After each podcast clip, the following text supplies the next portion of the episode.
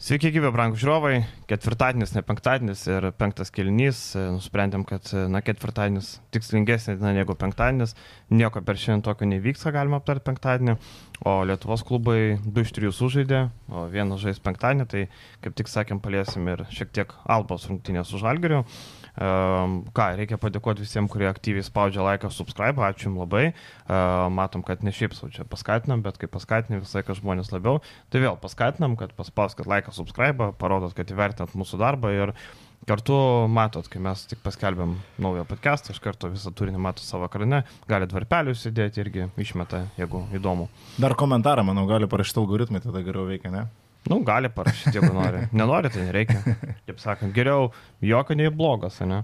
Kaip sakant, e, tai norit, rašykit, norit, ne. E, mes ką, e, praeitą kartą kalbėjom apie lažybas su filipiniečiu, dar niekas nepajudėjo. Na, nu, kas... kaip man tai juda, žinai? Ne, tai tau tai juda, tai aišku, aš žiūriu savo varpinės, savo ir Viliaus varpinės žiūriu. Bet, e, nu ir nesitikėjom, kad e, išleis prieš rytą, tai kaip ir viską tvarkoja. Žinai, prieš rytą tai nesitikėjot, bet čia jau galima įeisi, manau, po truputį ir rytas Vulso pačių rungtynės. Tai galim. Na, važiuoti. taip, tai ta prasme, kad prieš rytą nežda, tai čia viskas tvarkoja, bet tai vakar tai vyko KMT mačas. Bet mūsų sąlygos neįeina. Ne, tai va, ne, būtent, ne. bet čia kaip Šiaip priedas. Aš iš karto poliau draskyti akis. Taip, taip, jeigu KMT rungtynėse prieš Juventus, kur pirmauja po dviejų kelnių 17 taškų rungtynės tokios, nu, drąsiai, sakykime, plius minus dėl nieko apie nieką.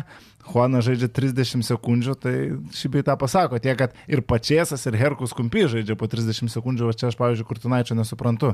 Tai, okei, okay, visi žinom, kodėl Pačiasas yra komanda, kodėl Juanas yra komanda. Herkus Kumpis, tai aš įsivaizduoju, imtas su kažkokia mintim, kad duos kažkokias sekundės ir galų gale net ir tie du žaidėjai, apie kuriuos kalbėjom, to, kada, jeigu ne tokiuose rungtynėse, tada gali žaisti. Tai ir paskui Rimas Kurtinaitis skundžiasi tvarkarašio, čia tris rungtynės per savaitę reikia žaisti. Tai jo, bet jeigu tu turi normalią 12 žaidėjų rotaciją, tai kad tu žaidėjai su prienu labas gas, kamata rungtynės tau neturėtų būti problema žaidžiant prieš rytą. Ir poryt laukia išvykai Klaipada, pasų nepnų žai šeštadienį, tai nežinau, aš irgi nesuprantu, gal labai bijojo čia atsileisti. Aš taip, žinai, galvoju, kad e, čia yra toks ir spaudimas, gal šiek tiek, žinai, mes turim čia laimėti, turim užtikrinti laimėti, čia taip toliau. Man tai atrodo, aš nežinau, nes kitaip neturiu paaiškinimų, kodėl neleisi žaisti Gerkaus kumpio. E, tu pasirašai žaidėją, matai jame kažkokį potencialą, ne va taip toliau. Tai tu turi, nu gerai, Tomas Pačiasas tebūnė. Taip, bet žinai, Pačiasas, tarkim, Dzukijoje, kuri buvo vidutiniokė, pernai gaudavo tų keliolika minučių, ten kelias bent jau e, rimtesnės rungtynės ir nu nebuvo jis ten toks tragiškas, kad išeis ir subirės visas žaidimas, viskas kesta. Jo lab, kad ir Utenoje matom problemų yra. Hamiltonas nežaidė ir Utenos atsarginiai irgi ten nestebuklingai pasižiūrėjus.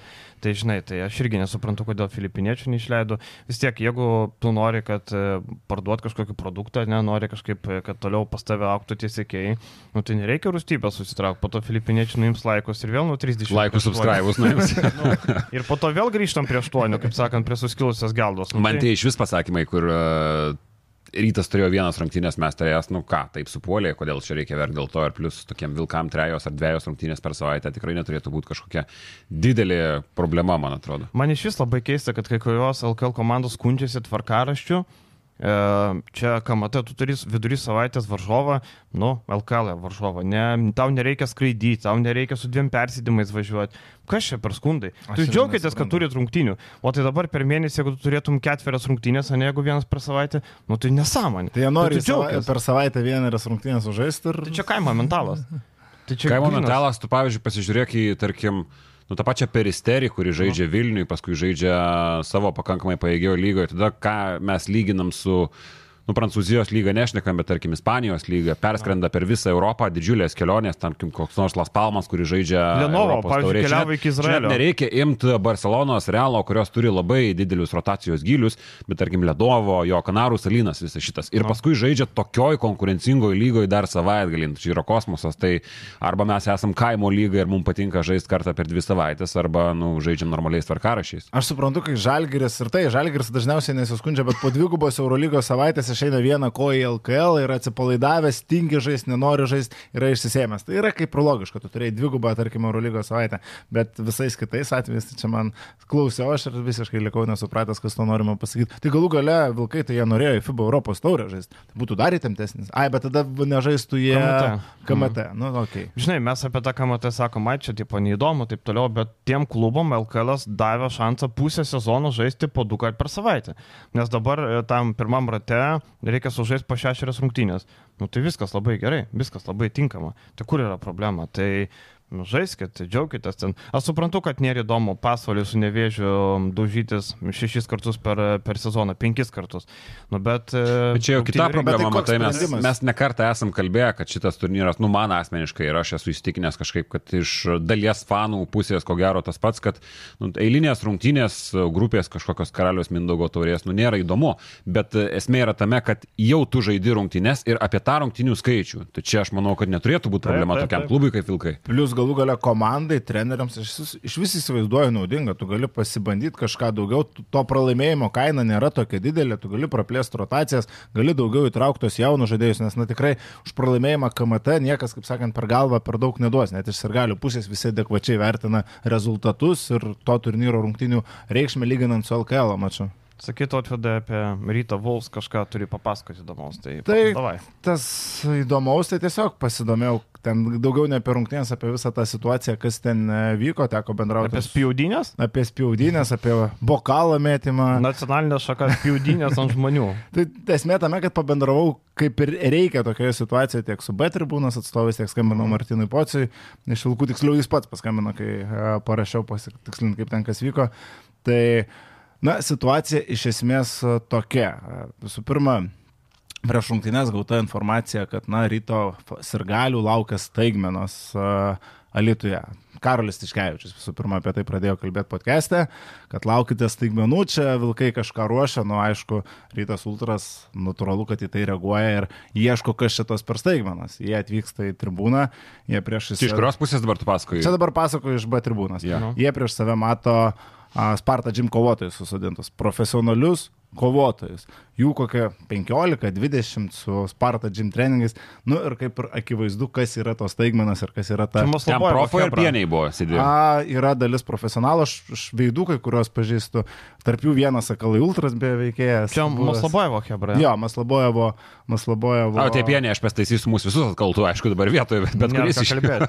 nu, nu, nebent tautis atsilaikytų. Tie 16, nu, tai va ir Martino Pociaus, jau čia pereinant prie kito, į kitos barikadų pusės jo teigimu, tai ten vaikai, vaikai Nu, ne visai. Aš kai mačiau ir jaunų, aišku, veidų. Aš tiesiog mačiau nuotraukas, nu tai blemba, ten tų vaikų vienetai, pagal nuotraukas tai atrodo tokie, nu... Zdaravi bičiai. Nu tiesiog surinktas Sparta gym klubas, ar tai yra 16 metais, ar 20 metais ir pasadintas priešais B tribūną. B tribūną tai priima kaip provokacija ir natūralu, kad mano nuomonė, jau čia savo nuomonės, kurie priima tai iš dalies kaip provokacija, juolab, kad prasideda rungtynės ir konfliktas prasidėjo ne su Sparta gym. Čia jau yra abiejų pusių sutarta nuomonė ir Vilkų ir B tribūnas. Kad... Gobi Gobikas, jis Sparto žym ar ne? Tai va čia, čia klausimas. Bet čia dar trečia kategorija Gobikas, kuris papuolė ten kažkaip kažkur. Atsiranda... Čia LKF komunikacijos vadovas, taip, taip, taip, taip. Atsiranda kažkeli vietiniai elitiškai ar ten kažkokie šiaip neaiškus tipai sėdėję dar šalia, jie pradeda veltis į tą konfliktą su B tribūna, ten nepatinka tas B tribūnos iškeltas baneris ir taip toliau, prasideda viduriniai pirštai, replikos, važiuokit portugalai ten, kur bla bla bla, automatiškai B tribūnai tai reaguoja reaguoja, prasideda konfliktas su tais ir automatiškai įsijungia šalia sėdėjusi Spartačiam, kuri jau tada irgi pradeda rodyti ir bent jau čia jau B tribūnos ir gestus, kad va taip ir taip toliau.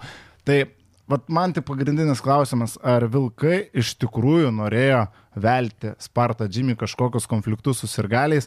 Jeigu taip, tai yra labai negražu ir labai nebrandu iš šito klubo pusės. Aš labai tikiuosi, kad čia yra tiesiog sutapimas. Man Martinas Pocius uh, įrodinėjo, ne, ne, nereikia, aiškino, kad čia visiškai atsitiktinumas, kad čia jokių provokacijų nebuvo, kad čia nežinau, iš kur čia Tiškevičius ištraukė tokius gandus, a, tiesiog nebebuvo kur sodinti ir pasodinom ten, čia mes tikrai nenorim kažkokių vaikų velti į kažkokius konfliktus, bet a, tada kam reikėjo Sergejimo Slobojevui kelti tą story Instagramą Sparta Gym versus B tribūną. Va čia va man buvo labiausiai nepatikusi vieta. Kodėl tu savo kovinį sporto klubą prieš, tai kaip prieš priešą organizuotam fanų palaikymui. Čia yra dvi skirtingos. O šiaip, kas lanko kovos dalykai. menus, neturi to tokio kodekso, kad Taip. tipo, jo? Tai, aš... tai va, būtent ir yra ta pagrindinė idėja, ta, tvarsme, uh, kelt žmonių kaip pasakyti, samoningumą. Samoningumą ir e, požiūrį į kovos menus, kad tai yra sporto šaka, o nes nukėdaužis kažkoks. Tai šitos vietos man irgi kažkaip buvo labai kreivas toks vaizdas. Tai va būtent, pavyzdžiui, kai lankiau Titanę, įeini į sporto salę ir ten aiškiai juodu ant baltų būdavo surašytos a, taisyklės, ką kovotojas gali daryti, ko jis negali daryti. Ir tas visas garbės kodeksas ir kiekvienam sporto klube tai praktiškai yra, aš net nebejoju, kad Sparta Gym tą savo kodeksą turi ir kovotojas darbuotojams apskritai yra draudžiama veltis į kažkokius konfliktus. Čia galų gale klubui, tu suterši klubo vardą, įsivėlėsi į kažkokias muštynės ir taip toliau, kurios yra neringa. Tu turi kovas, pro, kažkas turi profesionales, kažkas mėgėjiškas ir Sparto Gym ten tu turi įrodinėti. Ir aš sakau, aš labai tikiuosi, kad čia tiesiog buvo sutapimas, nes jeigu kitokiu būdu čia bandoma kažkaip gazdinti B tribūną, kad žiūrėkit, mes čia turim Spartą Gym už mus, kad čia Vamas Lobojevas, čia dabar mes esame labai rimti,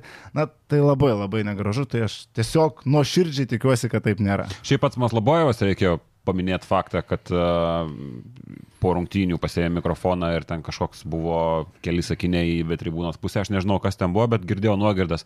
Iš kitos pusės reikia paminėti ir tai, kad šiandien neskambėtų viskas negimam kontekste, kad šiaip Maslabojevas yra labai puikus žmogus, šiaip bendrai paėmus. Ir aktorius neblogas savo vaidmenį gerai atliko, gal šitam pasmartuose. Blemba, aš to nesu matęs, bet tarkim ir pamok, paramą Ukrainai renka, organizuoja tos visus vežimus į, į, į karo alinamą šalį. Tai Policininką atrodo... tokio vaidina, neblogai, žinau.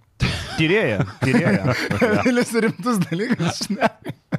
Gerai, atkreipsiu dėmesį. Tai šiaip e, Sergejus yra geras žmogus, su juo viskas yra tvarkoje, bet uh, Aš nežinau, kiek čia jo vaidmuo iš to situacijoje. Aš čia gal neigiamą kontekstą irgi grinai, savo nuomonę pasakysiu, aš galvoju, kad Sergejus Muslobojevas, na, jis tapo to ambasadorium ir tą fanų uh, prieš prieš tą fanų organizuotumą bando paimti ant savo pečių, jis tai priima labai asmeniškai, tas jo paik, mikrofono paėmimas ir pasakymas, kad čia dabar laukite Lietuvoje, mes parodysim, kas jums yra, dabar rungtynėse su Juventus jis eina į tribūną su tais vilkų keliais ir galiais, kurie jau ten kūrėsi, užvedinėja visus ir bando ale kažką. Kurie yra sukurti, ne kūrėsi. Taip, gero, na, taip. taip, reikia čia irgi atskirti, kad sirgaliai dažniausiai kūrėsi patys, čia yra kūriami ir jis tą sirgalių prieš priešą priima labai asmeniškai, jis nori, kad Vilkai turėtų kažkokią atsvarą B tribūnai, kuri dominavo Alitoje.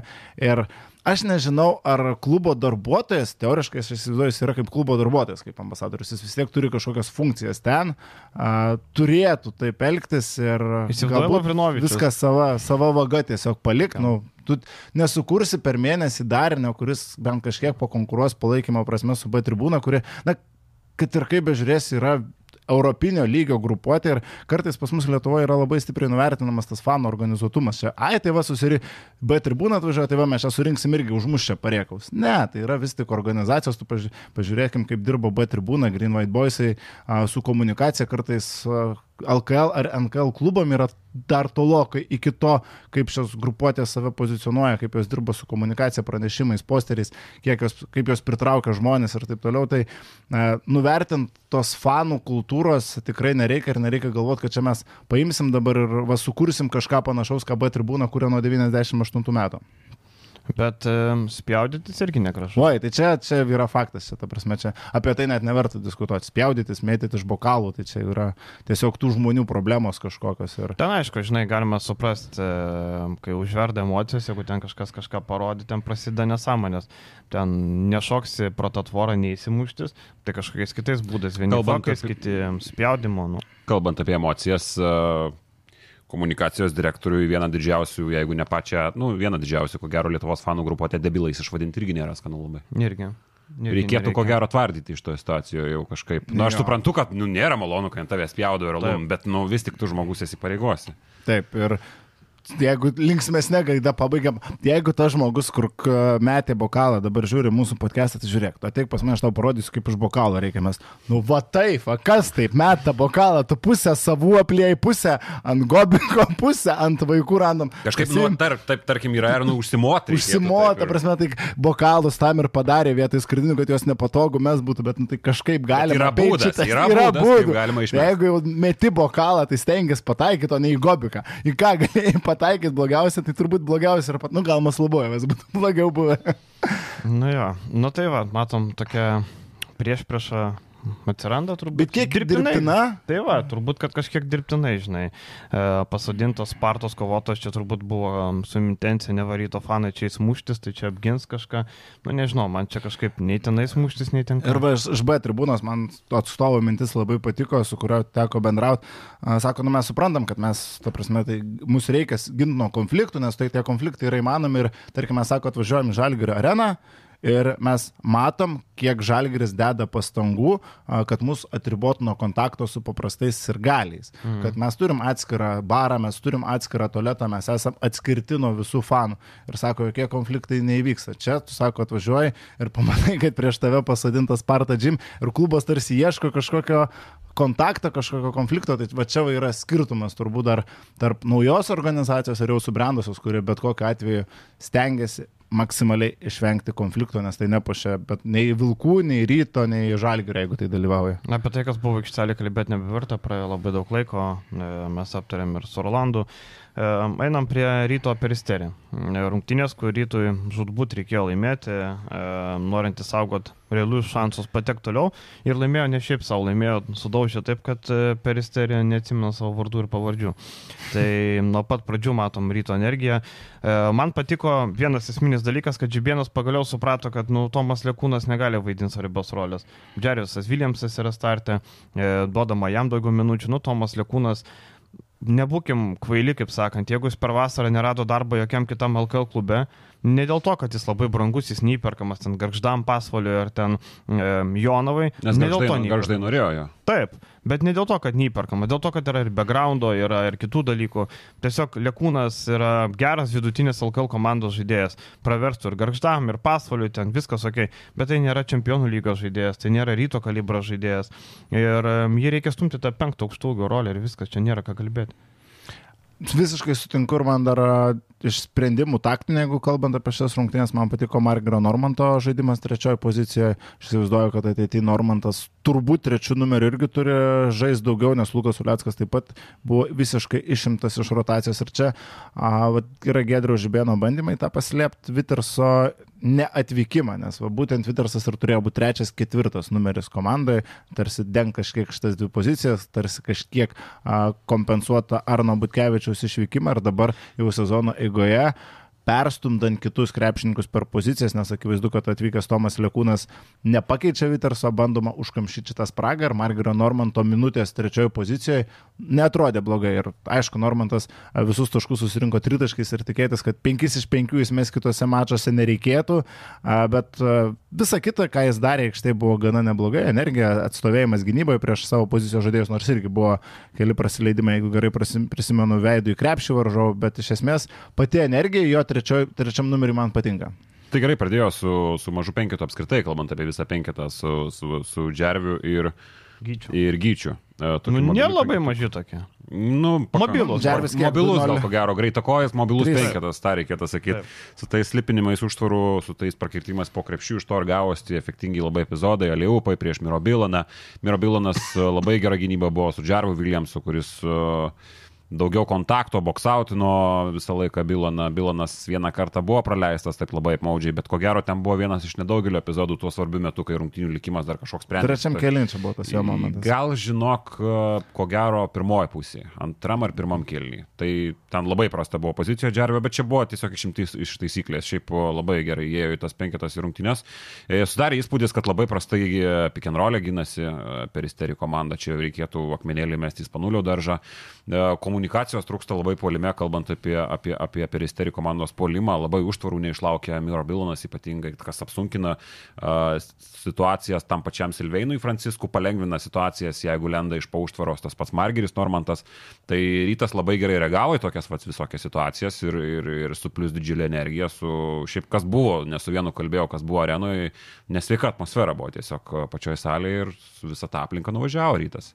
Tai ir tų pačių Bagdoro labai nesužiūrėjo vien tas Markuso Fosterio įkirtimas palei galinę, nu ten jau kosminė, kosminis va, kosminė to iliustracija, bet ir daugiau buvo momentų, kai tiesiog prarasdavo koncentraciją, peristerį žaidėjai praleisdavo savo tiesioginius oponentus be kamulio, o ryto polimas, na, ne, drąsiai turbūt galima sakyti, buvo kokybiškiausias kol kas šitam sezone, nors 89 taškai galbūt čia ir nėra kažkoks kosmosas visiškas, bet Elvaras Friedrichsonas pagaliau pradėjo duoti tai, ko iš jo tikimasi polime.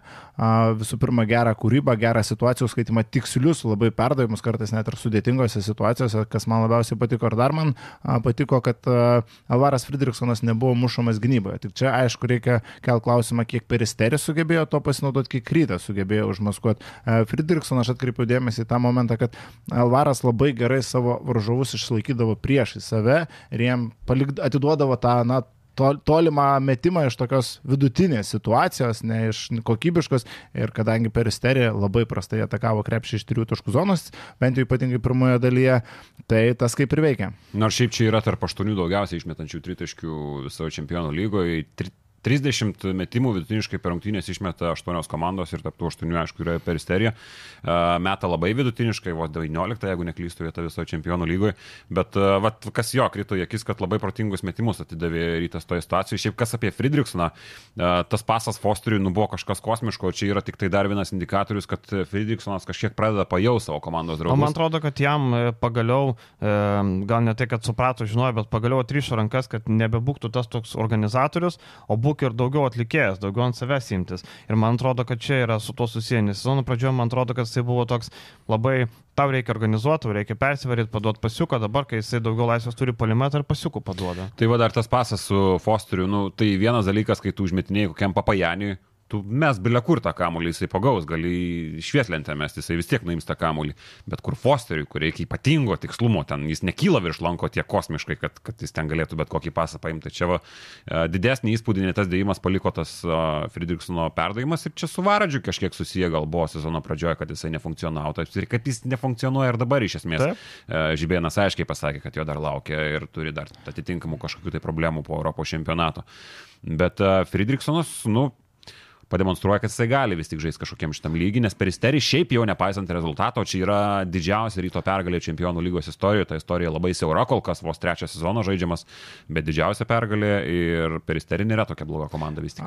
Paminėjai, kad Žibėnas akcentavo, jog laukia Varadža, man apskritai šitom dienom, šitom savaitėm labai patiko Žibėno komunikacija ir po tos pirmosios pergalės prieš Vilkus ir po šitų rungtynių, kaip jis užstoja savosius žaidėjus, kurie dar nefunkcionuoja, kaip jisai e, tiki savo komandą dar kartoja, kad mums papildymo nereikia, na turbūt gal ir finansų tam papildymui nėra. Ir aš manau, kad tai ir duoda naudos tas pasitikėjimas, e, kurį treneris skiria žaidėjams. Ir dar vienas svarbus momentas, e, kur Žibėnas pradėjo kalbėti, kad e, iš išorės buvo kalbų, kad galbūt ir apie Žibėno paties pasitraukimą.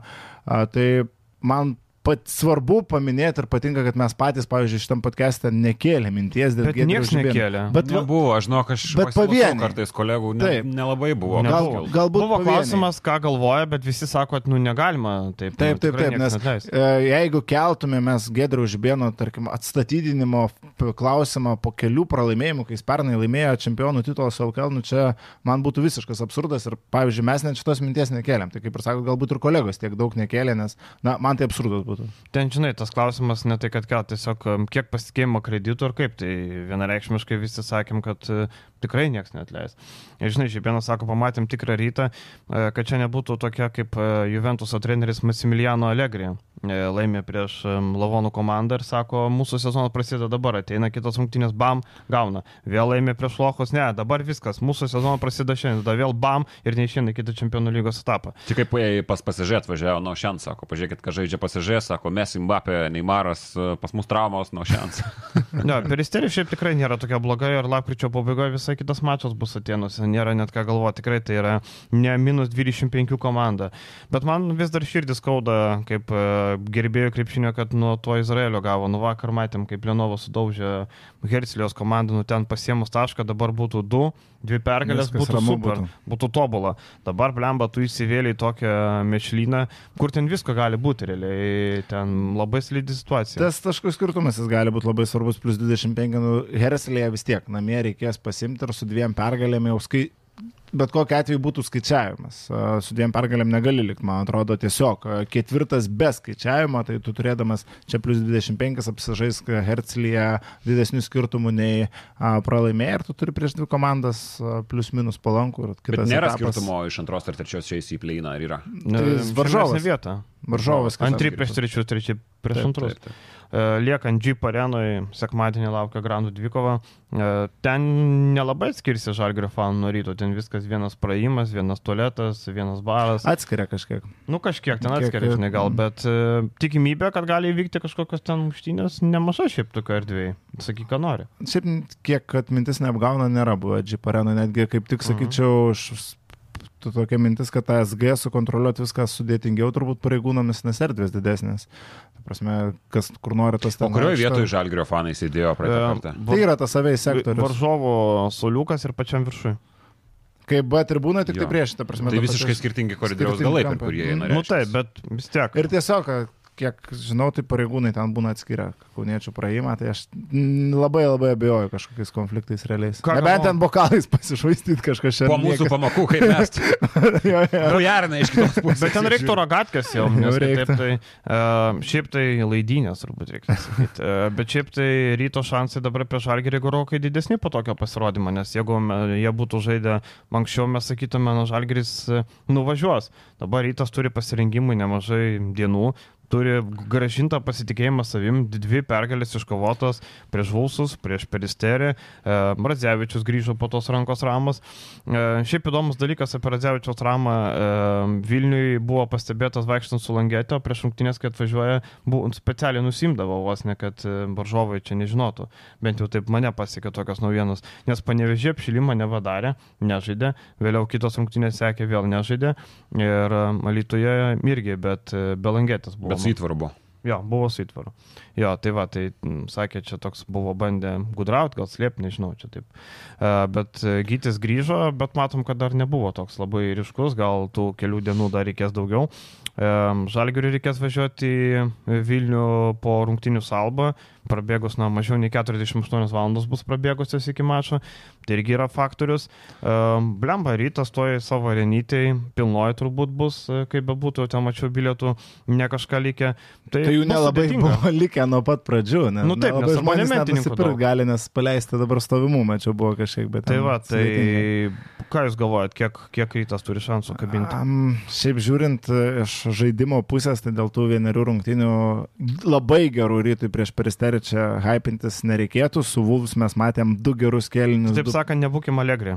Nebūkim, taip tokie žmonės, kur čia viskas rytas dabar jums žalgrien plus 20. Aišku, tie šansai yra padidėję. Kaip ir sakai, dabar svarbiausias momentas yra tas, kad įtampa ryto rūbinėje, ryto žaidėjų galvose yra nuslūgusi. Nes jeigu tu ateitum į šitas rungtynės po dar dviejų pralaimėjimų nuo Vulfs ir nuo Peristerį, nu jau viskas tau maksimalus spaudimas. Dabar spaudimo nėra jokio. Jeigu jie pralaimėjo žalgiriui, tai niekas jų prie kryžiaus nekals, jie gali žaisti savo žaidimą, jie gali demonstruoti tą kovingumą, kurį jie parodė prieš peristerį ir tiesiog bandyti pasigauti žalgirį pavargusi po Eurolygos penktadienio rungtynių. Nes žalgiris faktas šiuo metu tikrai dar negalvoja nie trupučio apie rungtynę su rytu. Visas akcentas yra mačas su Alba, kur žalgiriui būtina pergalė, kur yra tavo lentynos komanda. Ateis rytas ir tada tik bus pradėta ruoštis, tik vis tiek žiūrint per pozicijas, va taip, nu, šiemet labai akivaizdus pranašumai žalgyro tam tikrose vietose, kur aš neįsivaizduoju, kaip rytas gali tre, trečioje, ketvirtoje pozicijoje gali kažką pastatyti prie žalgyrio fiziškumą. Tai Ulanovas su Butkevičium, tas pats Rolandas Šmitas, Kevariusas Heisas, nu, taip pamastą, nu, turėtų tiesiog laužyti, atrodytų, e, ryto oponentus šiose pozicijose. Ir jeigu mes kalbam, kad e, ryto galbūt galim svarstyti, kur rytų reikia papildymo, tai kalbant apie apie žalgrį, būtent trečiojo, ketvirtojo pozicijoje, kodėl net važiavo Vitersas čia reikia, tarkim, apie Lietuvos batalijas, apie Europą mes galim kalbėti, kad idealiu atveju galbūt reikėtų ir gynėjo, bet aš vis tik rinkčiausi, kad vietoj Viterso kažkas bet kuriuo atveju atvažiuotų, nes, nu, Lekūna šitam lygiai funkcionuoti tiesiog negali. Kitas dalykas, žalgrys atvažiuos, nu, pakankamai nuvalkiotas pasakymas, bet, nu, žiauriai motivuotas. Žalgeris, motyvūnas, visi prieš sezoną pasakė žaidėjams, ypatingai legionieriams, lietuviams to sakyti nereikia, ką mes medžiojam, ko mes norim iš Lietuvos fronto ir kad čia jokių diskusijų negali būti. Ir pirmos rungtynės, nu, aš galvoju, kad svarstyklės visiškai vieną pusę. Tai Žalgris net rungtynės su Juventus sugeba išeiti maksimaliai nusiteikęs, kas matė tą mačą, turbūt sutiks, kad, na, seniai, kada matėme apskritai Žalgirį tokį motivuotą LKL, kokį mes matome šį sezoną. Aišku, dar tik sezono pradžia, galbūt jo eigoje ta motivacija šiek tiek mažės, bet kol kas Žalgiriečiams panašu, kad pavyksta nusteikti visoms rungtynėms, net ir prieš tos pačius garždus, kur tu atrodo tampaisi, bet na, to koncentracija yra išlaikoma ir tie atsarginiai žaidėjai, kurie galbūt a, negauna vaidmens Eurolygoje didesnio, jie turi daug daugiau motivacijos, tai čia gaunasi labai neblogas žalgrio tas atsarginių žaidėjų e, balansas. E, prisiminiau, kad sakau, virš svečių solelio, virš namų solelio B tribūna, e, B tribūna, svečių fanai, B tribūna virš varžovo, svečiai virš savų, savų, ta prasme, namų komandos. Pasitaisyti, kad nes po to atsiras, kas sakys, ne, atvirkščiai. Rytų šiaip per turnyrinę prasme jau reikia tašką pasimti, nu jau 4-3 šiuo metu, taip ilgas sezonas, 33 mačai ar ne, bet jau aštuntasis laukia, tai kaip ir, žinai, plus turint omeny, kad Vulsai 5 5-2, Lietkabelis 5-2. Taip, bet Vulsai nežaidė nei su Lietkabeliu, nei su Žalgiriu. Taip, Vulsai, taip, tuo tarpu Lietkabelis jau žaidė su Žalgiriu. Tai ir tą patį rytą nugalėjo. Tai rytui virtualiai ir tas taškas jau yra pakankamai svarbus. E, daugiau kažką, ką galima pridėti, turbūt, kad e, Lelevičius ir Kryvas negaus pasireikšti tuose rungtynėse. E, viskas labai normalu. Laimėti Jeep arenoje visada kazį būdavo sudėtinga, ar su Lietkabeliu, ar su Neptūnu. Ten visiems aišku sudėtinga, bet istorija nėra labai palanki tokia, nors vieną svarbę pergalytę yra paėmę, kai Lietkabelis žaidė su rytų pusfinalį ir ten laimėtas rungtynės padėjo perlaužti seriją. Dar šiek tiek kalbant apie šitą mačą, man bus labai įdomu pasižiūrėti, kaip Žalgiris stabdys Markusą Fosterį ir kiek sugebės tokio lygio varžovas iš Butkevičių paleidžiant. Va, būtent, aš, ir, aš irgi pirmą mintis, kad Butkevičius bus paleidžiamas. Tik neprasdėkė, prašau. Neprasdėkė. ne, dimša galbūt dar kažkiek. Tik neprasdėkė. Tai Butkevičius ir Fosterį čia bus rimtas išbandymas. Viena, kai tu žaidži tai prieš Peristeridaras, kai prieš Vilkus kita bus a, pasižiūrėti, kaip Fosteris atrodys prie Žalgirį. Ir, na, kol kas vis tiek vaizdas yra toks, kad rytas yra velnioniškai priklausomas nuo Fosterio, net ir tos rungtynės su Peristerinu prisidėjo Friedrichsonas. Ehodas jau pademonstravo tą žaidimą, kurio galbūt iš jo ir tikėjomės prieš šį sezoną, jau tą indėlį polime davė, kokį tarkim duodavo bent jau ir Ivanas buvo, bet vis tiek viskas sukasi aplink Marko Safosterį ir jeigu varžovams pavyksta išjungti jį, pusė darbo yra, bent jau pristabdyti, palikti su 10-11 taškų, pusė darbo yra padaryta. Jo, Tai ką, e, žiūrėsim, kas sekmanį. Dar vienas grandų mūšis laukia e, prienai su garždais. Aš kaip tik tuo metu komentuosiu šitas rungtynės. Ja? Tai vat, e, Iškiai bėdna, jeigu taip atvirai. Ir labai nieko. aiškiai girdisi signalai, kad jeigu pralaimės Tomas Gaidamavičius šitą mačą, gali prasidėti permainos prienas. E, signalizuoja keli žmonės. Nežinau, kiek, kiek yra tiesos, bet šaltiniai pakankamai rimti, kad e, šitos rungtynės gali nuspręsti e, labai daug, tuo tarpu Paulius Juodis girdžiu, kad garžduose turi pasitikėjimą, jis vis dėlto atvedė komandą LKL, laimėjo tą NKL, e, tai visko gali būti. Šiaip liekant prie LKL, nu reikia apie Neptūną pakalbėti, nu kitaip negalima.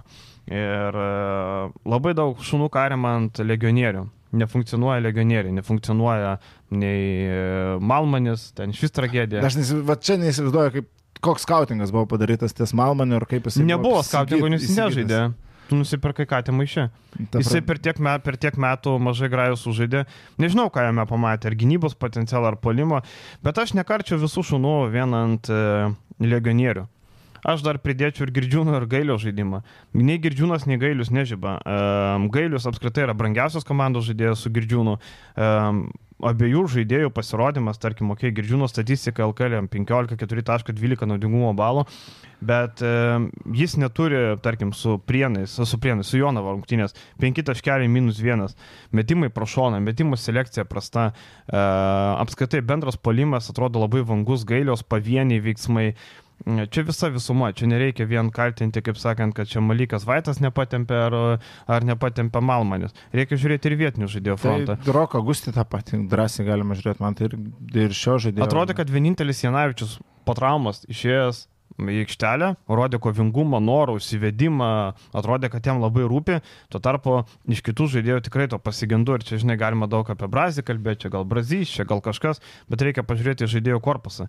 Ir man kartais, aš nesu šalininkas greitų sprendimų, bet man atrodo, kad Neptūnas be sprendimų nieko nebepadarys. E, man atrodo, praėjo, nu, kiek, 8 turai LKL 7, ar ne?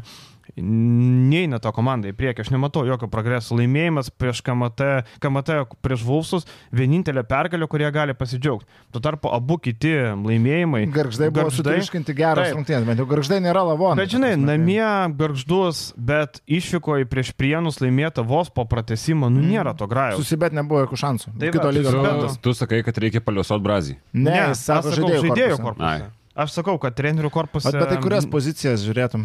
PF pirmiausia reikia. Malmanis, kam reikalingas legionierius, kurio naudingumo balų vidurkis 3 balai per 25 minutės? Nereikia tokio žaidėjo. Malikas, Vaika, Malikas Vaitas, manau, kad savo rolį Janavičiaus backupui daro ok. Ir reikia bandyti prikelt lietuvis. Jeigu Girdžiūnas dar paskorina, Gailius labai nestabilus, vieną mačą 20 taškų, kitą mačą nieko. Arba surinka 10 taškų su 5 balais naudingumo. Tai man atrodo šitoje vietoje. Tarkim, Ostinas Vailį savo rolę atlieka. Ne kamuolį labai neblogai. Jo, patinka. kamuolį, ten pablokuoti gynybai, bet e, be žaidėjų korpuso keitimo nieko nebus. Ir ta komanda gali likti už atkrintamųjų, kaip be būtų. Tai man atrodo, kad čia kitų sprendimų ir negalima. Žiūrėt, ką tu vėliau pasakysi. Nieko nepasakysiu, nes aš nematau Neptūno praktiškai. Na, nu, ką darysi. Tai va, tai... Tai sakai, garždai, labas gas, jeigu nepasima garždų, gali lėkti Gaidamavičius. Nublemba, man tai, tai aš vis tiek būčiau out nuo šito sprendimo. Nu, ką tu geresnio rasi, aš tai, nežinau, būčiau linkęs tikėti treneriu, čia dėl to, kad prognozę parašiau, kad ne vienas treneris nebus atleistas tik dėl to. o jeigu rimtai, nu, nei garždai, nei labas gas nežaidžia tragiškai. Tai kad faktas, kad ir sudėtis jų nėra labai prastos. Tai vat, Bet man prienų sudėtis geresnė už garždų. Mm, dabar, kai na, Koris Andersas pasijungė, jau lyginčiau. Man arti. įdomu, kiek laiko Sandrasas išbus, nes iš visų komandų atleidžiamas, vejamas, spirimas lauk. A. Ten yra ypatingai blogas berniukas, jeigu taip jau kalbėti. Ten charakteris yra toks, kur bandė garždus atkalbinėti nuo šito pasirašymo, šiaip jau. E, tai pasižiūrėsim. Va šito šitų faktų nežinau, aš tik mačiau jį aikštėje. Ab, ne, vienam mačiau, mačiau tik, tik kai su, su, su, su kėdainiai žaidė, tai aikštėje man visai, visai patiko jisai. O Neptūno laukia šeštadienio rungtynės su Vulsais, tais pačiais, kuriuose nugalėjo. Tai labai įdomu bus pasižiūrėti, kokias išvadas pasidarė, nes pirmadienį tai buvo labai blankus e, įspūdis. Vakar buvo įdomios rungtynės Lietkabelis su Klužo Napokos komanda. E, Žiauriai geros rungtynės, e, ne kiek kokybė atkaklumu. Vieni pabėga, kiti pasyvėja, ilgai lygiai eina, po to vėl atitrūksta. Galiausiai Lietkabelis laimėjo, nors e, viskas, kaip ir sakyt, kurio, kažkurio metu viskas vyko pagal Čanako planą, e, low scoring game, po trijų kelnių buvo 64-59, bet paskutiniam kelniui po 25 taškus abi komandos sumetė ir svečiai viršijo tą 80 taškų ribą, kur Lietkabeliui dažniausiai būdavo, sakau, pernai Europos tauriai vieną kartą laimėjo, permė, kai Varšovai įmetė daugiau nei 80 taškų ir tai buvo namie. Tai pažiūrėsim, ar šit- šita tendencija išliks ir šiemet. Uh, ką galima sakyti, kad Stefanas Peno toliau, uh, nu tragedija. 19 minučių, vienas asistas, vienas balas. Tai jeigu tu, gerai, nu nesakykim, nu nepataikai krepšį. Tai kur žaidimo organizavimas, kur asistai, kur tavo darbas? Nemačiau nieko iš Peno, apskritai tragedijų, tragedija. O Džemelo Moriso 20 metimų per rungtynės, tai čia Maikas Džeimsas kažkur su pavydu žiūri šitą protokolą netgi. Bet man tai visai patinka ta idėja su tiek daug metimų. Mes kalbėjom, kad to talento polimelė atkabelį. Daugiausiai metimų šį sezoną ir daugiausiai žaidė laiko šį sezoną. Ir vakas man patiko, jis vienu metu turėjo barots minus 7 naudingumo balus, Taip, taip. tragiškai pradėjo rungtynės, niekas nekrito, kad žaidėjas nesulūžo, pasėdėjo ant solelio ten kelias minutės. Trumpat mintis, kaip sakoma. Taip, sugrįžo toliau, drąsiai metą, toliau gauna progą. Nu, jis yra skoreris, tai, kad tu prieš tai prametė tris kartus, nereiškia, kad tu neturi mes dabar. Ir va štai jo savybė man patiko, galima sakyti, kad jis ten ir truktelėjo labai svarbiais momentais Lietkabelio, kalbant apie patį e, visos komandos žaidimą, man šiek tiek jau priminė praėjusio sezono Lietkabelį vakarykštės rungtynės, šiek tiek daugiau geresnis kamulio judėjimas, šiek tiek geriau išnaudojamos progos e, prie trijų taškų zonos ir tas žaidimas gaunasi gerokai lengvesnis. Jau kai tu turi Želko Šakyčių pataikantį iš trijų taškų zonos, Vitenį Lipkevičių pataikantį, jau visas Iš vidurio su viena ranka. 48 procentai iš trijų taškų zonos ir na tai yra tas lietkabelis, kur visi gali bausti. Ir kas dar labai patiko, kad pagaliau Paulius Murauskas e, ne tik LKL sujudėjo, sujudėjo ir Europos turės rungtynėse per trumpą atkarpą, saliginai 14 minučių, 10 taškų, viskas pataikyta iš dviejų taškų zonos, gerai priimami sprendimai. Kaip tokio jauno amžiaus žaidėjas, mano galvais pasižymi visai neblogų krepšinio supratimu, visai neblogais sprendimais, tai su kiekvienom rungtynėm aš vis kažką naujo pastebėjau žaidime. Pavyzdžiui, šitą mačą aš sakau, pastebėjau, kad man jis kaip 18 metų žaidėjas atrodo gana protingas. Man kažkaip apie Murauską ne, nes labai daug buvo tokių atsitiktinių, tu prasme, nenorėčiau kalbėti apie jį, nes labai daug buvo tokių atsitiktinių situacijų, iš kurių jisai taškus rinko, bet man... Trys kamoliai palime. Norisi, va, iš tokių dalykų. Mhm. Man norisi kalbėti apie Morisą, kuris šiaip jau iš pat pradžių matėsi, kad jis, nu, nėra greitas, jis neturi pirmo žingsnio, jis nėra labai atletiškas, bet iš pat pradžių matėsi, kad jis turi pakankamai neblogą šiaip jau krepšnio supratimą, labai neblogai jaučia atstumus tarp gynėjų, labai neblogai jaučia skaito komandos varžovo komandos gynybą ir labai dažnai buvo rungtynių, kuomet tie jo metimai tiesiog nesukrisdavo. Dabar lygiai taip pat. Kartais atrodo, kad po driblingo tas užsibaigimas yra kiek silpnesnis pas jį, kartais atrodo, kad tos statinės situacijos pas jį labiau užtikrintesnės, bet šitose rungtynėse ir ypatingai šitam lietkabliui labai reikia tokio žaidėjo, kadangi tų pataikančių žaidėjų, tų žaidėjų ypatingai, kurie gali savo susikurti situacijas, yra labai nedaug. Mes galim skaičiuoti gynėjų grandyje tik tai Kristijaną Kulimą ir Morisą. Viskas. Daugiau tu nieko neturi. Kūliamąją dar labai daug klysta. Mes matėm tokias, tokius epizodus kaip aikštės centre. Ne tik tas pats Peno, bet ir tas pats Kūliamąją praranda kamuolį su paprastai. Tai reikia sakyti Kūliamąją ar Kūliamąją? Kūliamąją. Nes uh, aš pertikrinau kelis šaltinius, uh, kad, kad, kad Estijos, kad mhm. Kūliamąją sako ir ne kitaip. Tai va, tai apie Morisą man šitos rungtynės daug ką pasako, kad jis vis tik gali žaisti tokiam lygiai, gali žaisti šiaip jau prieš gerą varžovą. Šitą komandą, Klūžo komanda paliko gerą įspūdį. E, ne tik apie vardus, ką aš kalbėjau prieš kelias savaitės, kur yra daug Endesos buvusių žaidėjų, tas Birčevičius daug kur yra rungtynėvęs Europoje. Tai vakar septynėse žaidė, trūko vakar rotacijos. E, žinomas, bet uh, situacijos, deriniai, namų darbai, trenerio, koks treneris? Silvasanas. Taip. Nebuvo girdėjęs to. Ilgametis klūžo komandų žaidėjas. Jo, tai labai paruoštos situacijos, labai geros situacijos ir, ir tikrai patiko šitą komandą, kaip jinai pasirodė panevežį, realiai turėjo gerų šansų laimėti šitas rungtynės.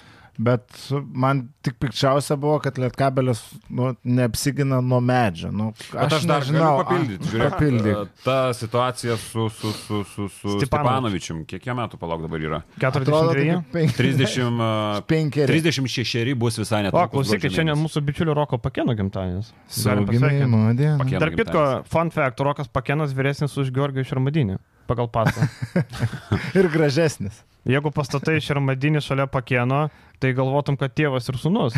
O iš tikrųjų, pagal pasą ne. O kad šermadinio pasas gali būti šiek tiek porą metų pajaunintas, porą trejata dešimčių metų, tai Visko gali būti, sorry. Stepanovičius sužaidė geriausiai šitą sezono rungtynės ir dar klausimas, ar ne karjeros e, Europoje. Šį Fosteris, vad grįžtant prie jo, sužaidė geriausias savo karjeros rungtynės, lyginant su jo pasirodymais Izraelį, Graikijos komandose, Europos, Europos turnyruose visose. Tai geriausios karjeros rungtynės. O Stepanovičius žaidė kosmiškai, bet nu, nuo jo buvo galima apsiginti. Aš nežinau, kaip 36 metų jau praktiškai žaidėjas gali slipinti užtvaras ir prakirst ramiausiai po krepšių ir Benas Griciūnas jo nesugaudo. Ir tokių situacijų buvo ir su Golmanu, man atrodo, tai Tai, Lietkabelis nuo šito žaidėjo galėjo tikrai apsiginti ir aš nesuprantu, kodėl jisai buvo paliktas. Man patinka toks tikras metkirtys, toks old schoolinis centras, Jonas Vainaskas į komandą imtų iš karto. Jeigu dabar Jonas Vainaskas e, vadovautų komandai, nu, nemažaikiam, kokiai, kur galėtų įpirkti Stepanovičių, jisai būtų komandai 100 procentų, nes old schoolinis centras kapoja stipriai, įmeta iš pokrepšio, bet Jono Vainasko stilios centras, tai vad Stepanovičius būtų komandai. Ir vad baisiausia, kad jau antras varžovas, su kurio medis prieš Lietkabelį sužaidžia. Nustepanovičius tikrai neturi ten kažkokio. Jeigu medis, tai čia koks beržas, ažaras. Drebulė gal. Drebulė. Bet tokia pavytus gerokai. A, tai antras rungtynės, kur išsitraukia varžovai tokį žaidėją, kuris nu nelabai kažką tau gali pasiūlyti. Dabar tik tai užstrigo to pavardė bičiuko kur irgi antroji pusėje. Precelis. Jo, jo, jo, irgi. Žaidėjas, kurio net nebuvau, aš komentavau tas rungtynės, net nebuvau. Tu galvo, kad ten kepinys registruotas. Iš, išleis minutė, pasakysi, kad tokį išleido ir niekam jis neįdomus. Paskui tu žiūri, kad jis tampa X faktorium ir uh, keičia rungtynės. Tai dabar lygiai toks pats Stepanovičius, nu, neturėtų pelnyti 10 iš 11 dvitaškų ir tap didžiausiu tavo galvos skausmu. Ir čia mes grįžtam prie tos problemos, kad neturi Lietkabelis savo medžio po krepšiu, Benas Griciūnas nu, neapsigina prieš tokius aukštūgius, e, Golomanas neapsigina. Turi medį, bet Bet, bet ne tokį. Bet Bet matai, ten tas medis iš praėjusios komandos, apie ką tu kalbėjai, jisai buvo praktiškai net neįtrauktas, ko gero, į skautingą. Taip, taip, taip. Uh, Stepanovičius turėjo būti trauktas, Taip, jis taip, žaidžia taip. po 21 minutę. Jo, bet žaidėjų tipažas, nu tai tiesiog du augaloti e, žaidėjai, tik vienam 35, kitam berods 23, galbūt kitas jaunas, bet Taip, irgi taip. aukštas ir be, be didelių ten kažkokių įgūdžių. Tai jeigu du kartus gauni štai nuo tokių krepšininkų per veidą šiek tiek, kažkas yra negerai priekinėje linijoje ir aš nežinau, ar be pokyčių, be kažkokio pastiprinimo. Aš labiau, žinai, žiūrėčiau to atvykginėjų grandinės e, su dviem gynėjais visą sezoną nevažiuos. Rupštavičius Nu, nu, tai jo. sunkiai, sunkiai. Ir dabar jis po lygos vakar taip daug nežaidė, bet iki tol irgi nieko neparodė gero. Jisai gali duoti nuo širdžių minučių gynybai, padaryti baudą, neprarast kamalį. Bet jeigu tu nori Europos tauriai, gerai, dabar dvi pergalės yra, abi namuose iškovotos, abi prieš varžovus, kuriuos reikėjo nugalėti, viskas tvarkoja. Bet jeigu tu nori kažko daugiau, dar vieno gynėjo būtinai reikia. Bet žiūrėk, kam yra šaknis, kad Čanakas vengia pastaraisiais sezonais kviestis naujų žaidėjus, ypatingai perimetre.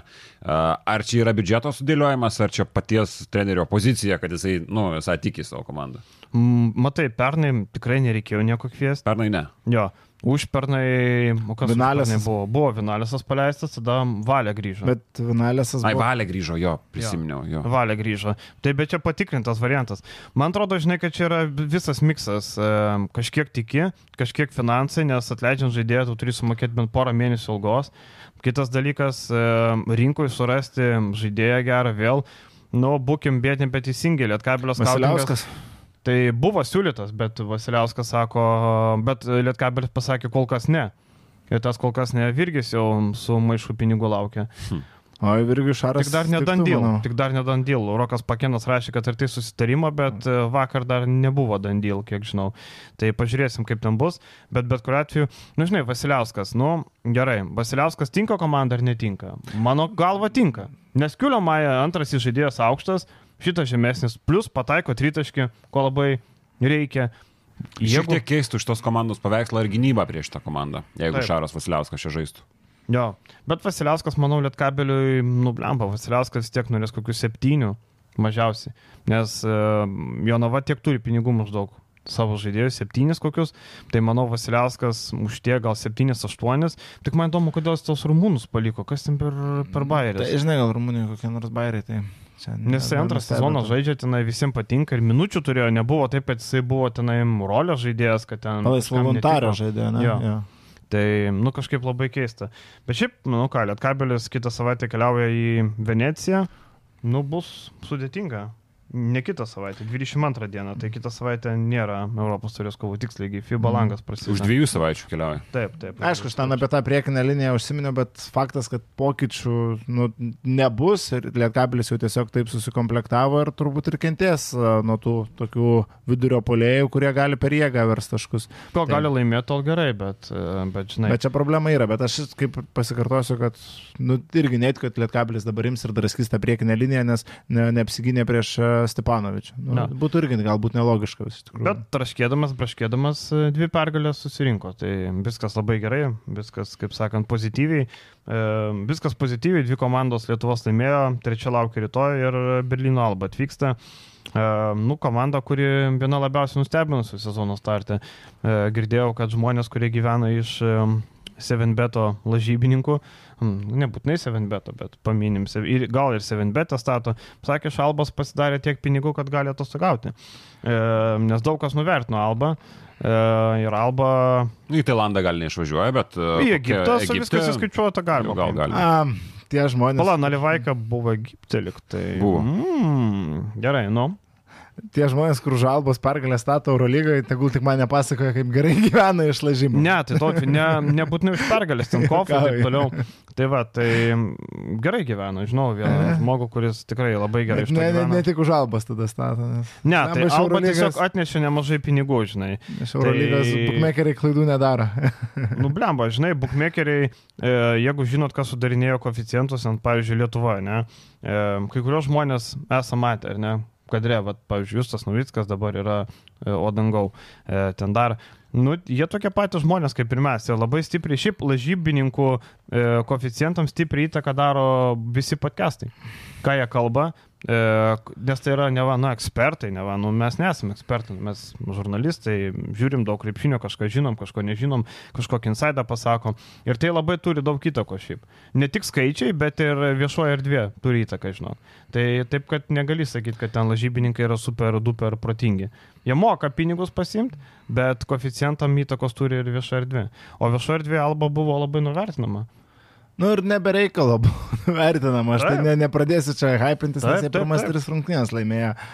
Vis tiek tai komanda, kuri bus antroje turnyrinės lentelės pusėje ir stipriai antroje turnyrinės, tai netgi sakyčiau paskutinėme ketvirtėje turnyrinės lentelės, galbūt nebus pačiame dugne, bet tai bus 15 komanda, galbūt 14 geriausiu atveju. Ir tokią komandą vis tiek reikia pasimti, ypač jeigu vis dar be modo ložais Albo, tai yra kertinis. Na, akivaizdu, kad to nebus. Taip, Džilienas Mitas sugrįžta, kai okay, jis duoda daug, bet, nu, aš nepatikėsiu, kad Tamiras Blatas per tarp sezonį tapo 57 procentų tritaškų metikų ir Europos čempionate buvęs rolinių Izraelio rinktinės krepšininkų dabar bus Eurolygos staro. Nu, ateis laikas, kur tie skaičiai grįš į realybę. Apie modulą, sorry, pridėsiu. E, Vokietijoje vakar atkasiu vieną straipsnį, kad rašo, kad mental problems. Okay. Kad kažkokie mental problems jam yra. Ne, ne trauma, o mental. Tai va įdomu, kas jam ten nutiko šiaip. E. Bet šiaip labai geras žaidėjas, toks žaidėjas, kuris kartais atrodo net nėra labai daug įvertinimas, apie kurį labai daug būtų kalbama, bet... E, Vienas ant vieno labai geras. Ypatingai žiūrint į Eurobasketę, nu, klasiškas žaidėjas, šiaip ne Vokietijos lygio net atrodo. Taip, tai vat, su Modolo tai būtų kita komanda, nei kad jie yra dabar, aišku, tarkim, aš vienai pasakiau apie Tamiro Blato skaičius ir galvoju, kad jie grįž šiek tiek į realybę sezono eigoje, bet va Kristas Komadže panašu, kad tikrai yra padaręs nemenką progresą. Ir... Kas stabdys Komadže? Tai aš galvoju, kad Žalgiris tiesiog žais savo žemesnių penketų ir atakuos. Komadžiai, jeigu, tarkim, Kavanau su Rolandu Šmitu vienu metu aikštėje, būtų metantis tritaškai, pataikyk porą metimų iš toli ir Komadžiai keliaus ant atsarginių žaidėjų suolo. Bet, e, nublemba, tarkim, olimpijai. Pirėjui su Olimpiakosu nu neveikia planas prieš falą. Vis tiek jisai ten pirmą, pirmą penkias minutės. Komadžia nėra dar falas. Nublemba, bet tipažas, aišku, lygis, nu tai nelyginam, bet tipažas tas pats. Žaidimas, žaidimą labai gerai matai, skaito falas, jis gali nusimest kamolį, čia va jo didžiausias pliusas komadžia. Nu bus labai įdomu pažiūrėti. Paustė, paustė geresnis yra falas, tokiose situacijose tu gali, tarkim, užmest Lauriną Birutį savo kartį, kurią tu turi ant suolo, bet iš esmės Birutis, nu, mes žinom, kad irgi nėra tas variantas, turi problemų ir prieš tuos visus tavarėsus ir panašiai, tai čia panašus tipažas kaip ir komadžia.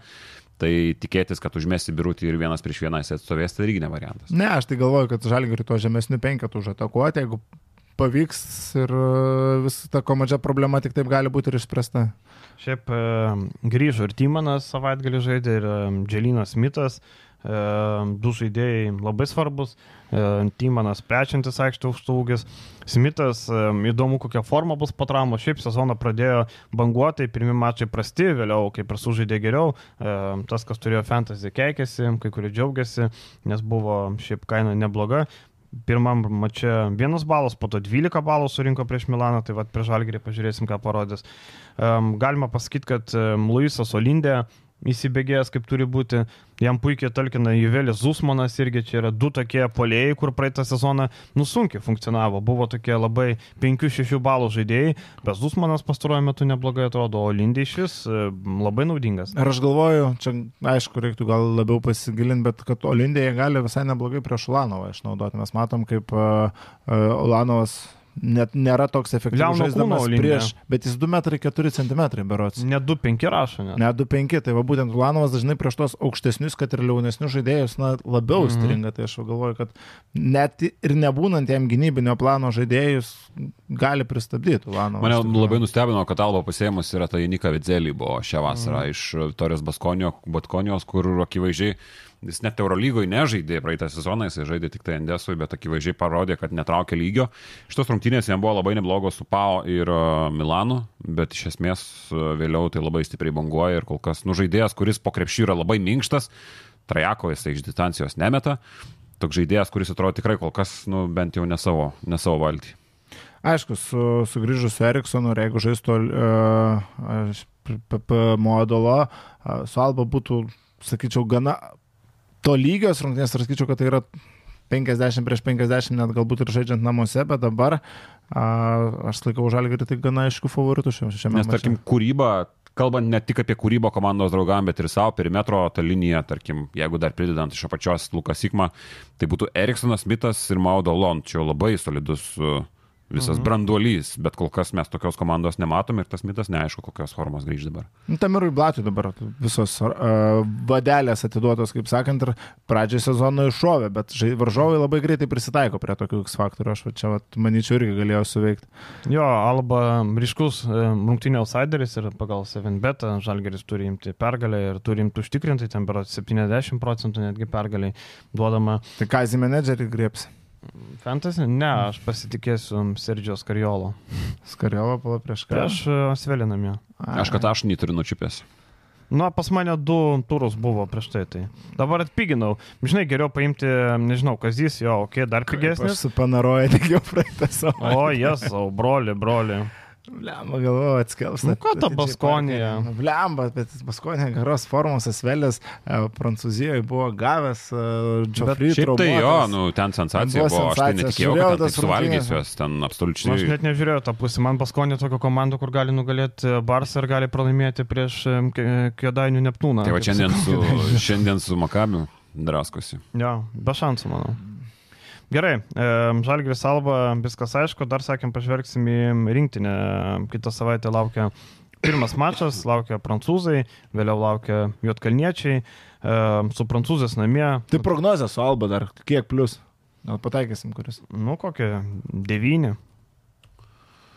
11. 5. Tik 5? Tik 5. Nu, gerai, penki. užteks. Tegul laimi. Svarbiausia, kad 3-0 būtų, kaip sakant, e, tame fronte Lietuva, Europa. E, apie rinktinę. Tai Vambanijama atvyks, e, kažkas turės gintis prieš Vambanijamą, bet pažiūrime savo daržą ir čia Ko trūksta komandoje, aišku? Kulbok. Kulbokos trūksta, gal kažkiek galvoju apie Sušinską, bet pasižiūrėjau, kad sezono startė atrodo Na, atrodo, kukliai, Vokietijos lygo 8-3.67 balo, o mes toje trečioje pozicijoje turim ir Kuzminską, e, tai m, turim patikrintą Radzevičių per, per lankų rinktiniai, tai turbūt, kad e, ta situacija tokia, kad, e, nu, nelabai. Bet, pavyzdžiui, Paulius Valinskas e, man buvo, tarkim, vietoj Girdžiūno, man Valinskas labiau patinka, Girdžiu. Jo, neblogai Valinskas atrodo, na, FMP. Taip, taip, taip. Ta komanda viena iš Adrijos lygos lyderių. Valinskas ten tikrai gerai skorina, gerais procentais. Tai irgi toks, nu nežinau, man Girdžiūno pasirinkimas. Taip, Neptūnė ten LKL 15 taškų vidurkis, bet pataikymo procentai nėra stabilus, tas pats pasirodymas nežinau, toks pasirinkimas, e, nu, čia jau Kestutis Kemzūra, kaip sakant, rinkos, nežinau, ar Kazys prisidėjo prie to pasirinkimo ar ne, bet Kulbokas kodėl nėra, tai man labai įdomu. Nes, pavyzdžiui, aš žiūriu šitą rinkinį taip, aš žiūriu kaip ispanai, ne, tarkim, ispanai per savo langus, e, naudodami tuos visus žaidėjus rolinius, jie juos vėliau labai sėkmingai integravo Europos čempionatą ir matėm, kuo baigėsi. Rolinių žaidėjų komanda nuskinė auksą. Dabar mes integruojam girdžiūnus, ar girdžiūnas žais tik rinkinį, ne. Ar regimantas minėtas žais pagrindinį. Tai jeigu mes diskutuojam dabar apie, apie Kulboką, tai čia kyla klausimas, ką Gytis Masiulis veikia šitam. Taip, šitam dar vienas, bet būtent. Tai aš tik sakau, žinai, mano idėja tokia, kad tose languose išbandyti tos žaidėjus, kurie vėliau kažkokiuose čempionatuose gali užimti rolės. Ten neturim dabar, mums ketvirto numerio poziciją ypač apie, ne? Tai Kulboka labai puikiai tinkamas, įvedinėjom, duodam žais, bandom. Nu gerai, te būnė ten. E, duodam... Gal kažko nežinom, aš kažkaip nesidomėjau iš to nu, klausimų. Nebent žinai, bet šiaip mano idėja tiesiog tam, kad, nu ką dabar, ką tas girdžiūnas veikia toje rinktinėje, nu ar jisai žais pagrindinį rinkinį, ne. Aš suprantu, kad langė norima nuskinti ten pergalę, viskas ok, bet reikia galvoti ir ilgą periodą, kaip sakant, jo lab, kad mes tam pasaulio čempionate esam net ne vieną koją, pusantros kojos, turbūt jau ten ir pėda, ir pusė pirštelių yra. Taip, tai mano taip, taip. tokia idėja. Visiškai sutinku, kad Kulboka mes jau kaip buvom kalbėję net anksčiau, kad jis jau kitą vasarą realiai gali bandyti pretenduoti pagrindinę komandą, nes toj pozicijoje yra a, nemenkos kilės. Aišku, kaip ir galima buvo tikėtis, tas žaidimas jo bankuoja, bet mes matom, kad Prometėjas startavo solidžiai 3-1 berots Taip. Europos tauriai. Kulbo, kad ten yra 30 minučių žaidėjas su svarbiu vaidmeniu, atliekantis daug metimų, kartais pataikantis, kartais prašiau, bet to, tai yra natūralu iš dar gana jauno žaidėjo, ir tai yra žaidėjas su, na, turbūt žvelgiant į šitą dvyliktuką, 42 procentų trajekas. Yra su didžiausiomis lubomis, na, Marekas Blaževičius galbūt su didesnėmis lubomis, tarkim, žiūrint, nes daugiau visi kiti yra arba vyresnio amžiaus nueinantys žaidėjai, arba žaidėjai esantys savo pikė, kaip tarkim Gytis Radzevičius. Kulbo, kad čia būtų žaidėjas su milžinišku potencialu. Aš tai net atsisakau patikėti, kad e, buvo tiesiog nepakviestas klubo, aš galvoju, kad čia buvo kažkokios problemos, nežinau visiškai situacijos, bet nu, aš atsisakau patikėti, kad e, Eurocopo savaitės MVP nėra pakviestas į rinktinę, kai mes turim tokių, nu, pakankamai kažkokių tai problemų vis tiek e, toj pozicijoje. Šiaip smagu matyti Bendžių, kuris atsisakė žaisti praeitą vasarą rinktinėje, dabar yra, jisai yra sąraše ir jisai atvažiuos. Bet e, kalbant apskritai, tai akivaizdu, kad treneriai dabar pasirinko tokį saugų variantą. Šitos rungtynės matomos vis dar kaip labai svarbios, nes vis dar rinktinė nėra užsitikrinusios e, vietos pasaulio čempionate ir tu žaidži dar su prancūzais. Tai langas akivaizdu yra svarbus, svarbus iš tos pusės, kad žaidėjai yra kviečiami visi patikrinti. Tai yra didžioji dalis yra LKL krepšininkai, didži, daug yra ryto žaidėjų, kurie, kurie, kurie žino, nu tau visada Vulsus. Nu, trys, nu, tai trys ryto, trys Vulsų. Nu. Tau labai kaip uh, kaip buliui raudonas spalvatas. Ne, tai aš kaip tik čia teigiamą dalyką, paskui trys vulvų žaidėjai. Jam kaip pilko turkio. Pat, kiek, turkio pilko. Ryto, jau, tarkim, liet kabelio nėra nieko. O ką tu pakviesi? Nu, bet vat, būtent. Šiaip jaučiu tave neįmanoma pamatyti su turkio pilko marškinėliais, net ne, nebūtinai vulvsų, bet nu šiaip su turkio spalva. Aš nieko prieš neturiu komandą tiesiog. Tai va, tai gerą dalyką, paskui trys žaidėjai iš komandos rinktinės. Bet iš kitos pusės, nu, Kulboka irgi jis nėra nepatikrintas variantas, jisai žaidęs nemažai tose langų rinktinėse, jisai gali atvažiuoti. Jis žaidė langų rinktinį. Buvo labai labai buvo prieš vasarą. Kulboka prieš Latviją žaidė, jeigu čia. Praeitą vasarą buvo birželio mėnesį. Vieną grajo, nedraugišką. Mm. O prieš tai dar žaidė, kai jaunesnis buvo, kai Bambergui priklausė, ten buvo. Jo, yra buvęs. Yra, nu, bet variantas tai nėra nepatikrintas, jisai žaidęs, jisai matė šitą nu, rinktinę vis tiek. Jis nėra rizikos jokios su Kulboka. Taip, taip. Tai aš tą noriu pasakyti. No. Ir tai yra faktas. Tai aš dėl to netikiu, kad jisai nėra kviestas į šitą rinktinę. Aš, bet, žinai, kartais... Pasaulio čempionato atrankoje yra sužaidęs vieneris dar rungtynės jo. Nu, tai šiaip, e, kai būna, kad kažkas atsisako tame video ar tam pranešime spaudai, dažniausiai sakoma, man labai norėjau matyti tą, bet jis negalėjo, nes yra taip. Čia dabar buvo neusimenta, nežodžiu. Ten kažkas Orelika labai siūlė, bet pasižiūrėkite, Oreliko startas Turkijoje irgi toks e, savo, savo bešiktažo, irgi prastas startas. Tai irgi iš to mikso. Šiaip bus labai įdomu į Blaževičių pasižiūrėti. Vis tiek aš nuo Brodoiro šiemet mačiau, pilnų rungtynių nemačiau, mačiau tik tai santraukas. Jūs matėte visas? Matėjau, čia normaliai. Ne, nemačiau, ne. nemačiau. Aš tik santraukas mačiau, tai net keliem mėnesiam prabėgus visada labai įdomu pasižiūrėti tos žaidėjus, kurie išvyksta į užsienį ir jeigu nuomonės, jeigu nuomonės vis tik reikėtų, tai vakar turėjau prašiausias kol kas, ja, kol kas karjeros komentuotas rungtynės, tai yra Trentas su Tel Avivo Hapueliu. E, prašiausia be jokios abejonės Europo kopo komanda plakasi ir praktiškai antram kelny buvo aišku, kad minus kiam tam pareis. Ir tu tiesiog kenti, tu skaitai biografijas tų žaidėjų, nes tiesiog komentuoti aikštai nėra ką. Tai, tai jeigu reikėtų nuomonės, galiu pasakoti apie šitą mačą. Nu, kodėl pameras žinatas nesu, nesu, nesurinko balų? Žinau, nes nenorėjo ten, arba norėjo, arba ne, nes ten toks mačas buvo, sakau, vienas uh, prašiausių mačų, kiek aš tekė, šiaip stebėt net ir. Ir čia, Viliau, tinka tavo žodžiai, atbrosai, tokie, va, Eurokapė yra. Klausykit, ką manote apie Šiaurės Europos lygą? Vėl aš tai galvoju, kad tom komandom, kuriuom trūksta rungtinių, tai yra vis tiek variantas, tai yra geriau negu treniruotė. Tai man, aš esu kalbėjęs su Šeškum šitą temą ir būtent kaip tik Jonava ir žais kartu su Šiauliais. Šeškus yra man pasakęs, kad mums reikia žaisti su kažkuo kitu, atsibosti žaisti vien su tom pačiom taip, komandom taip. ir tu ieškai tos galimybės žaisti. Tai, o ten to turnyro reikšmė dar kažkas, bet tu pasišparinguosi su kitu varžovu, tu pasižiūrėsi prieš kitas komandas, prieš kitas sistemas, kažką naujo pasiūlys, tai man tai čia tik pliusas ir aš nematau jokių, jokių trūkumų. Apskritai ir KMT iš komandų pusės matau tik tai pliusą žaisti, tai gal žiūrovams netaip įdomu ir ta Šiaurės lyga bus neįdomu natūralu ir KMT grupio etapas nėra įdomus, bet komandoms tai yra naudinga. Penki, penki klubai iš Lenkijos net. E, vienas Serbijos, lygis. Starai, Bonovcos, Dunav. Nu, tai mes kalbam apie Šiaulius ir Jonovos komandas, tai mes matėm, taip, kad mūsų taip, taip. Uh, klubai uh, gauna nuo Riliskis sportis, tai apie ką mes kalbam. Tai čia nuo Valmėra, kur visi mūša, kas netingi. Nu, Valmėra. Okay. Valmėra, Talino Kalev Kram, ok, Talino Taltechas, Tartų Ulikūlas. Kievo Budivelnikas, Prištino Sigalas. Na, Sigalas, kaip sakant, Dardanas Beryša vis dar žaidžia tenai. Čia kartais rodo, kad įmonių lygos pavadinimus. Tai buvo Budivelnikas, pala ir Europą irgi. Ir Brno basket. Ne? Budvelnikas FIBA Europos žaisti. Nu, tai va, Europos turėjo. Bet kur nepateko bet, Vilkai ir jo. Tik man įdomu, man atrodo, kad gali būti, kad jie kokią atsiūs dublerinę gal komandą, nebūtinai pagrindinę, nes jie žaidžia Ai. Nors, be nežinau, nes jie žaidžia toj FIBA Europos tauriai. Aišku, ten būna turai, kažkuria savaitė ten turai susirinka, sužaidžia, gal nesutaps kažkaip. Arba jeigu sutaps, tai teks tada kažkokius jūs kitus žaidėjus. E, bet e, daugiau galėjo lietuvių padalyvauti, žinau, kad buvo siūloma daugiau, bet e, kažkaip nesukrito kortos, dėl to penki Lenkijos klubai yra. Bet nieko nieko nepadarys. Ir tų rungtinių nelabai pamatysi, ten kažkada rodė, lyg tai YouTube'as, ne? Bet žiūrimumas, atsimenu, įsijungiau. Šiaulių finalą buvau įsijungęs, man atrodo. Mačiau vienu metu žiūrėjom šimto žmonių, tai mūsų podcastą naktį, trečią naktį daugiau žiūrėjom. nu, bet taip ir buvo, nu ką jūs juokėtės. Taip ir buvo, legendinė podcastą.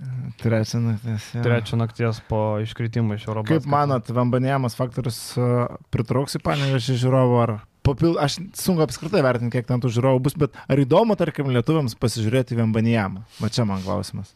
Tūlas fanas, kuris e, domisi, nu taip, Lietkabeliu ir LKL, jam tas Vembanijama manau vienodai. Trumpai tariant, pohu, man atrodo. Kai, bet tas man ir šiek tiek ne tai, kad keista, bet visa Europa užsihypinus, NBA jau rungtynės transliuoja, čia būsimas pikas, komandas tenkina, kad pasišaukt e, šitą žaidėją pirmo šaukimu ir atvažiuoja į Lietuvą. Ah, atvarys pa, pasvalio vyriokai pas mus pasiliet kabelį. E, va, aš, va, čia būtent ir noriu pasakyti, grajus. kad Europa nėra užsihypinus ir trūksta organizacijų. Nu, organizuotumo nu, iš klubo gal kažkokio, kuris tai dabar Paryžių rungtyniauja, arba iš Prancūzijos lygos, kad uh, tai parodykit, ką jūs turit. Aš kažkaip nemanau, kad Europa labai užsihypinus ir... Arba aš per NBA atrodo, prizmę kalbu, kad užsihypinus, kad europietis bus dar vienas šaukimas. Jeigu žaidėjas sugeba įsitraukti sezono metu į NBA aplinką ir atvažiuoti pasižiūrėti, sužaisti kažkokias rungtynės, tai akivaizdu, kad tai yra didžiausias talentas nuo Lebrono Jameso ateimo lygą laikų. Ir e, jeigu mes matom, kad nu, didelė, labai didelė dalis komandų tenkina ir dalyvauja toje loterijoje, tose lenktynėse vietoje dėl Vambanijamos, tai čia yra, nu, mes gyvenam laikais, kuomet mes stebim nu, absoliutų monstrą. Čia Zajonas Vilnius Williamsonas atrodo kaip kažkoks geltonsnapis savo debito metais, kai ten visa Amerika irgi aikčiojo nuo tų dėjimų džiūkė. Dabar visai kitas lygis. Tai Vambanjama matomas kaip ateities e, lygos veidas, pasaulio krepšinio veidas. Tai šiaip jau, nu, kas domisi krepšiniu, turėtų ateiti pasižiūrėti, ko gero, bet e, aš pernelyg e, nepervertinu mūsų tautiečių galbūt krepšinio domėjimosi gylio Žinai, e, paneveži šiaip rinktinė labai seniai nežaidė. Mm. Čia yra tai vienas tai gal pačios rinktinės ateis daug pasižiūrėti. Jo, tai va šiaip rinktinė paneveži žiauriai seniai. Atsimenu, kai dar e, Kazlauskas treniravo rinktinę, beros buvo draugiškos rungtynės su e, Sakartvelo, atsimenu, ir po to viskas, e, paneveži nebebuvo. Tai šiaip panevežiečiam čia yra geras labai šansas ateiti pasižiūrėti rinktinę. Nesvarbu kokia, bet matom, yra gerų žaidėjų. Aišku, tos pačius Radzevičius, Normantus ir e, šituos minėtus matai ir LKL. Tai čia turbūt šiek tiek... Bet vis tiek rinktinės marškinėliai yra rinktinės marškinėliai. Šiaip dabar pagalvojau, taip mes turim kitais metais pašauktą Vambanijamą pirmų šaukimų prognozuojama, kad Buzelis gali gauti pirmą šaukimą, dar po dviejų metų tai būtų trys iš eilės NBA naujokų bružos su pašauktais europiečiais pirmą šaukimą. Paulo Bankero šiais metais. Taip, bus Vambanijama 99,9999 procento ir yra tikimybė, kad Buzelis gautų pirmą šaukimą, tai trys europiečiai, trys NBA naujokų bružos. Mm. Dėl Buzelio gal dar palaukti. Ne, tai jo, aš ne, nesakau, kad čia, bet taip, gali, taip, taip. sakau, sukristi, kad mes nu, šiaip, vis tiek pirmas, antras šaukimas jam prognozuojamas. Jo, tai šiaip hiperpolizuoja labai stipriai, kad pohui čia tautiečiams ir panašiai norėtųsi, kad ateitų ir manau, kad vis tiek kažkiek ateis daugiau nei, nei, nei įprastai ateitų į rinktinę panevežį, ko gero, manau, kad vieną kitą tą papildomą šimtelį fanų tikrai sutrauks. Ir e, dar reikia pridėti, kad panevežį norint prikviesti ir galius, reikia šiek tiek daugiau marketingo dėti, dėti komunikacijos, gal daugiau ne. Čia jau ne tik e, siuntinėti nahui, bet tribūną reikės. Idėjų kažkokių. Čia reikės padirbėti. Žinai, yra praktikos, galima bilė, moksleiviam tūkstantį bilietų išdalinti. Iš pasisemti iš vilkų praktikos. Tai va, įdomu. Na, žodžiu, laukia kitą penktadienį, beros žais lietuviai, e, ketvirtadienį žalgeris, tai kitą savaitę pakalbėsim bent jau apie žalgerį, nes apie lietuvius, nu, šeštadienį nekalbėsim. Kas šešką šeštadienį dirba. Visi dirba, ir mes dirbam šeštadienį, tik podcast'ui metų šeštadienis labai prastas. Ką per šventės nuveikė dar papasakok. Penkias minutes. Man labai nepatinka, kaip šventė vadina. O čia va turiu, galim ne apie krepšinį penkias minutės pakalbėti. A, Čia yra didžiausia klaida, aš buvau bažnyčia ir kunigas labai gražiai paaiškino, kad mes iškraipom žodį šventė. Šventė tai yra nuo žodžio šventas, nuo žodžio šves, į- švestas, o ne nuo kažkokio baliaus prisigėrimo. tai balius. Nu. Tai va būtent šventė yra nuo Jašikas alaus. Per Ir, pirštą tapkės ežeras. Tai yra šventės, normalios šventės, tik jas reikia mokėti šventė tada, kada kitą dieną atsikeli ryte Ir pakras geras, ne? Tai va čia mūsų problema, o ne pačios šventės problema, kad mes nemokam švesti. Nu gerai, šventės. Gerai, užtenka. Ačiū, pasimatom kitą savaitę iki. Iki.